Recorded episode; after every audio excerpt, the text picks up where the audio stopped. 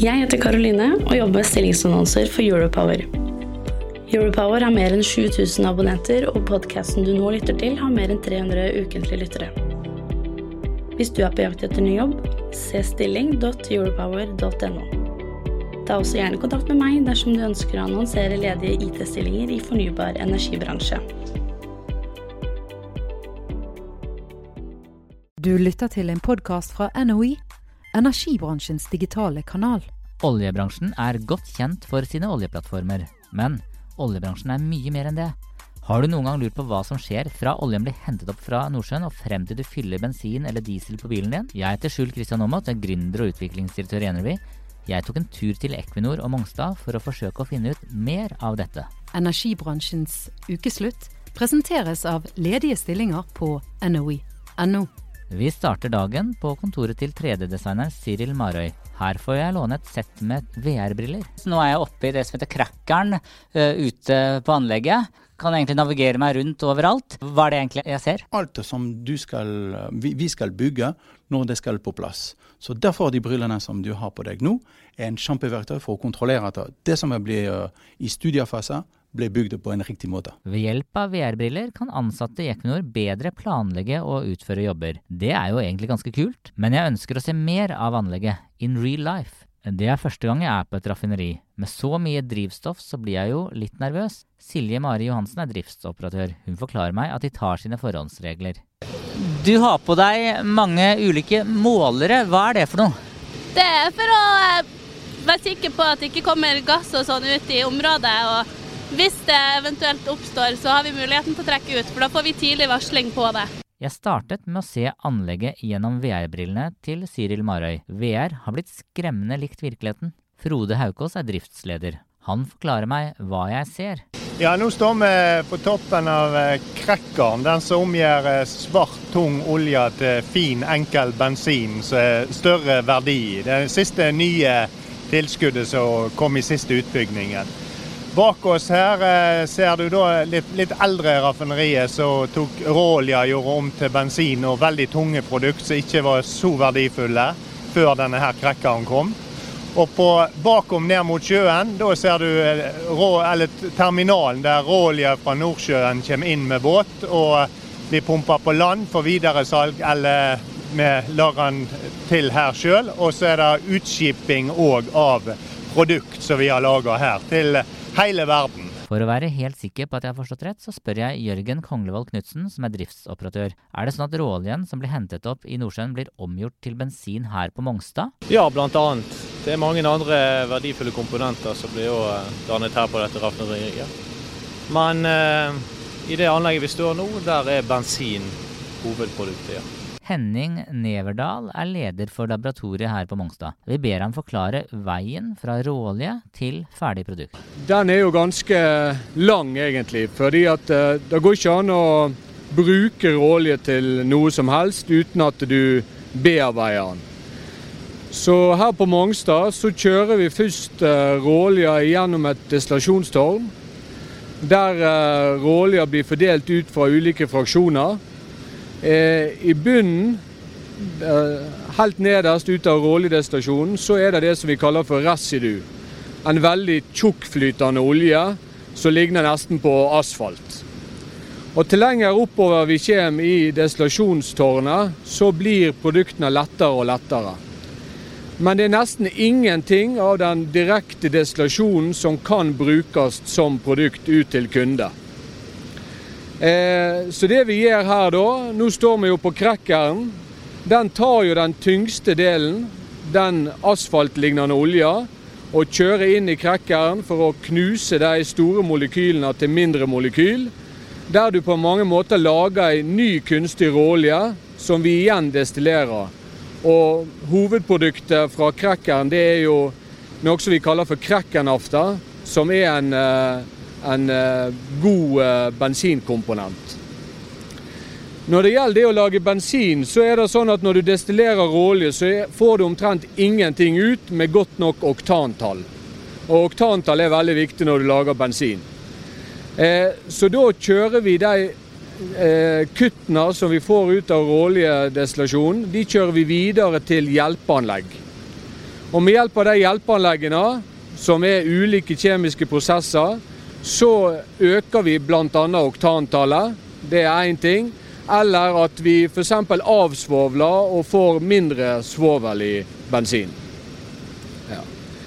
Eh, her på Mongstad så kommer jo all råolje som kommer inn til oss, enten med båt eller med direkte rør fra Trollplattformen, det blir laga på terminalen sine råoljekaverner. Så de ser ikke vi, de er under bakken her. Og så pumper vi det opp til våre kaverner, som vi igjen føder da eh, destillasjonstårnet vårt med. Det er mye snakk om at olje- og gassindustrien digitaliseres, og det er lett å få et inntrykk av at bransjen kun etterspør de med master i IT. Vi spør derfor Frode Haukås om hvordan bakgrunn han har. Jeg har to år på videregående utdanning på linjen som heter kjemiprosess. Der eh, jeg da gikk videre på to år som lærling, for så å bli da fagoperatør etter de to årene som lærling. Eh, og hvordan er en typisk arbeidshverdag her på Mongstad? Som en fagoperatør så er en typisk arbeidshverdag å kunne koordinere, samordne og utføre enkle ventil- og eh, skruoppgaver som kan da hjelpe å bedre prosessen. Og eventuelt fra kontrollrommet regulere og optimalisere det vi ønsker å produsere til enhver tid. Er det spennende? Absolutt. Det er, det, er en, det er, noe som sier at uansett hvilken dag, så er det variasjon. Så du eh, kommer på nye utfordringer, og du har et godt samspill med alle områder. Alt fra mekanisk, automasjon, overflateprogram. Så det er, det er varierende, og det er kjekt. Jeg ønsker å se mer av Mongstad, og jeg spør Frode Haukås om han kan vise meg selve hjertet i anlegget. Nå er vi inne i hovedkontrollrommet for raffineriet. Ett av flere sånne eh, plasser som de sitter. Og her styrer det ene delen av anlegget. Da. Det er jo overordna styring med hjelpemiddel for å få best mulig økonomi og miljøuttelling av det vi produserer her. De må òg reagere på alarmer og alt, og har en veldig stor del av sikkerheten her. For de kan overvåke ned til den minste detalj hva som skjer. Så det er godt samarbeid med de ute som er ute praktisk og jobber. Alle veggene i kontrollrommet er fylt opp med skjermer som viser både video og ulike diagrammer. Jeg spør hva man ser. Ja, her slår du av og på eh, nesten alt som er her og styrer det meste. Altså, her har du den totale overvåkningen og eh, oversikt. Ja, så, eh, og den, Hvis det skulle skje en hendelse, eller noe, så er det det her som begynner å, å, ta kontakt videre for å eventuelt ordne opp i det. Ja. Hvordan er en arbeidshverdag her i kontrollrommet? Den er veldig ulik fra dag til dag. Eh, for eh, det er jo forskjellige kvalitet på det som kommer inn. Så det må eh, av og til for å lage bensin, så er det ikke bare én vei for å komme fram til det. Men så her er det hva olja de har kjøpt inn, og hva, så må de da finne den beste måten på å få den mest mulig miljømessig og økonomisk ut igjen til kunden. Ja. Så det, en dag er ikke lik her. og det er jo det som er utfordrende, og det er det som er kjekt. Så her er, her er gøy å være. Man kan altså lage mange ulike typer drivstoff her på Mongstad. Jeg spør Henning Neverdal om hvordan de kommer frem til hva de skal produsere. På Mongstad har vi en egen eh, vi kaller for planleggingsavdelingen. Eh, og De ser da på hvordan f.eks. råoljeprisen endrer seg, og hvordan produktprisene både i Norge og ut i hele verden endrer seg. Og Ut ifra den modellen, som er en stor matematisk modell, så vil en da kunne prioritere i de forskjellige anleggene. F.eks. at eh, vi nå må lage høyere oktantall i ett anlegg, vi må avsvovle mer i et annet anlegg, og den type ting. Ut ifra hva som er mulig å få solgt, og for å få best mulig pris for. Silje Mari Johansen startet som lærling i det som den gang het Statoil i 2013. Jeg spør henne om hvorfor hun valgte å søke seg mot yrkesfag. Jeg kommer fra en plass der eh, prosess og industri er veldig populært, og hørte veldig mye bra om det, så da frista det veldig. Eh, og hvordan har det vært? Det har vært veldig bra. Jeg er veldig fornøyd med valget mitt. Energibransjens ukeslutt presenteres av ledige stillinger på NOI.no. Mongstad er et så stort anlegg at vi må kjøre bil for å bevege oss rundt. Benedikte Fanbust Søreide jobber til daglig som kommunikasjonsansvarlig, men har i dag også i oppgave å være min privatsjåfør. Eh, nå skal vi kjøre ned til kaiene. Eh, vi har flere kaier på Mongstad. der vi laster og losser produkter. Um, vi skal bort på en av de produktkaiene våre. Rålekai. Ja. Rålekaien vår. Um, og se litt uh, på hvordan det ser ut når vi, når vi har båter til kai. da. Silje Mari Johansen forklarer meg hva vi ser på kaia. Bak oss her ser vi en eh, råoljetanker som kommer inn med olje fra Gullfaks. Hvor stor er denne båten? 126 000 dødvekttonn. Båten kommer altså inn med råolje fra Gullfaks. Hvor lenge ligger båten til kai? Det kommer an på hvor stor den er, men den ligger vel rundt 10-12 timer. Eh, hvor mange båter har dere inne til kai eh, i løpet av et år?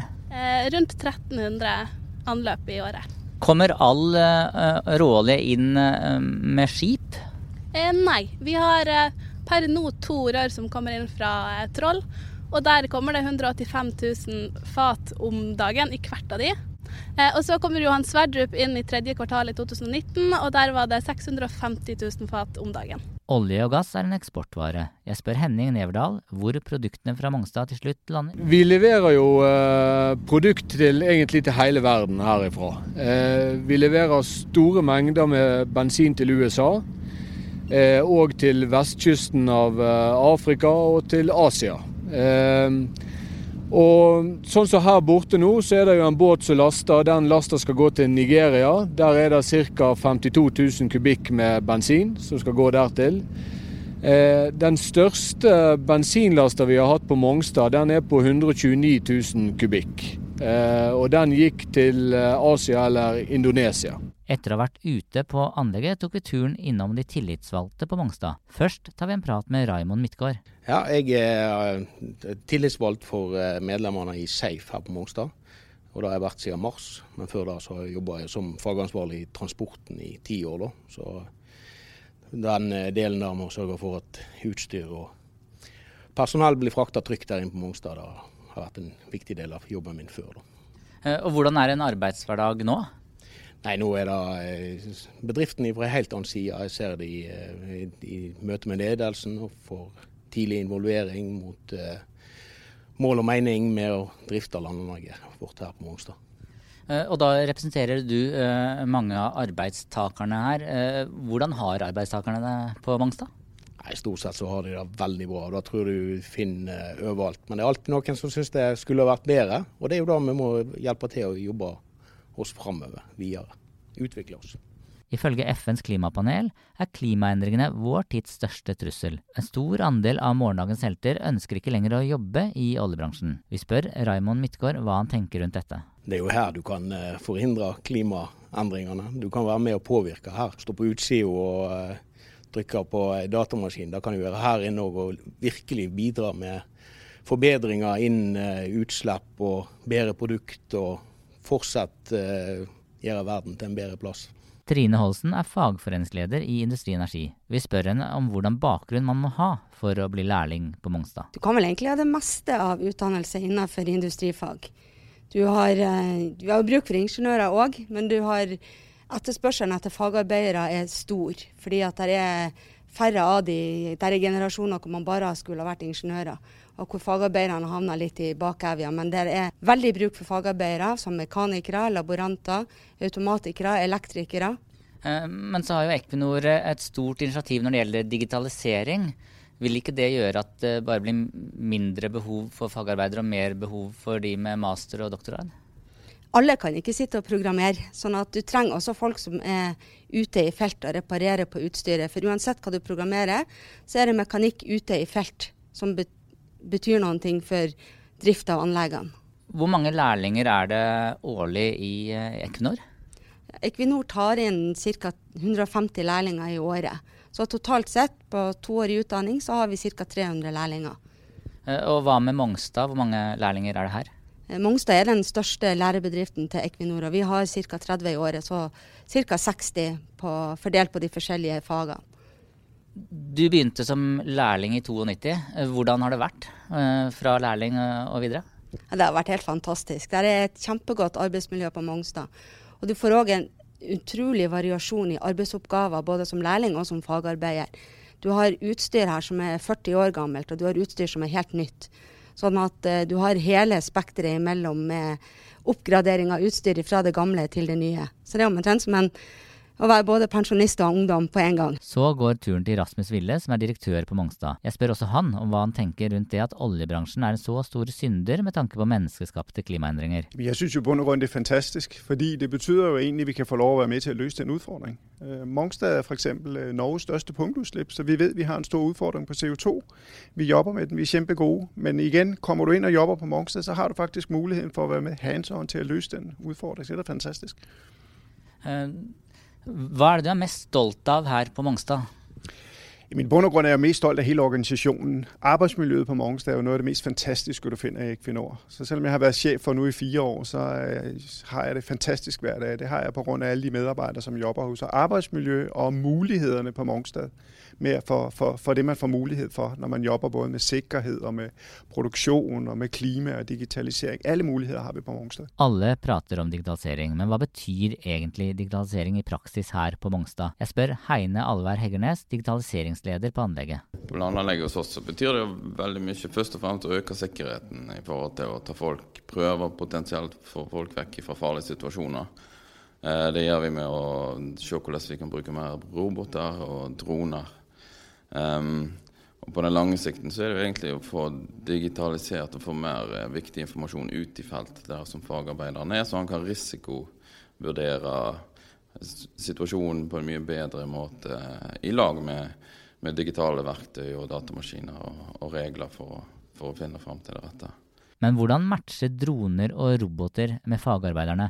Er det sånn at robotene tar jobbene til fagarbeiderne? Jeg tenker jo den eh, måte, spesialkompetansen som en fagarbeider har, det vil ta ganske mange år å overføre den til måte de nye roboter og nye teknologiene som finnes. Og samtidig så kan vi ikke se fagarbeideren som en helt sånn statisk begrep. Fagarbeiderne har utvikla seg og jo mye mer digital i dag enn han var når jeg var fag, eller begynte som fagarbeider for 25 år siden. Sånn at hver ny fagarbeider tar med seg en ny kunnskap og en ny kjennskap til det digitale og kan på en måte oversette de nye hjelpemidlene på en annen måte. Og utvikle det som vi har i basis i forhold til å være en god fagarbeider innenfor sitt fagfelt. Så du er ikke redd for at uh, digitalisering uh, skal true fagarbeiderne her i Equinor? Uh, nei, på ingen måte. Og jeg tror at det, det å være fagarbeider i Equinor, det på en måte vil bare videreutvikle seg og bli mer spennende med, med, alt det som foregår med, med ny teknologi i dag. Energibransjens ukeslutt presenteres av ledige stillinger på NOE.no. Selv har jeg lært mye ved å besøke Mongstad, og jeg håper at også du har fått et litt bedre innblikk i alt det spennende som skjer i en bred energibransje. Du har nå lyttet til en podkast fra NOE, energibransjens digitale kanal. Jeg heter Karoline og jobber med stillingsannonser for Europower. Europower har mer enn 7000 abonnenter, og podkasten du nå lytter til, har mer enn 300 ukentlige lyttere. Hvis du er på jakt etter ny jobb, se stilling.europower.no. Ta også gjerne kontakt med meg dersom du ønsker å annonsere ledige IT-stillinger i fornybar energibransje.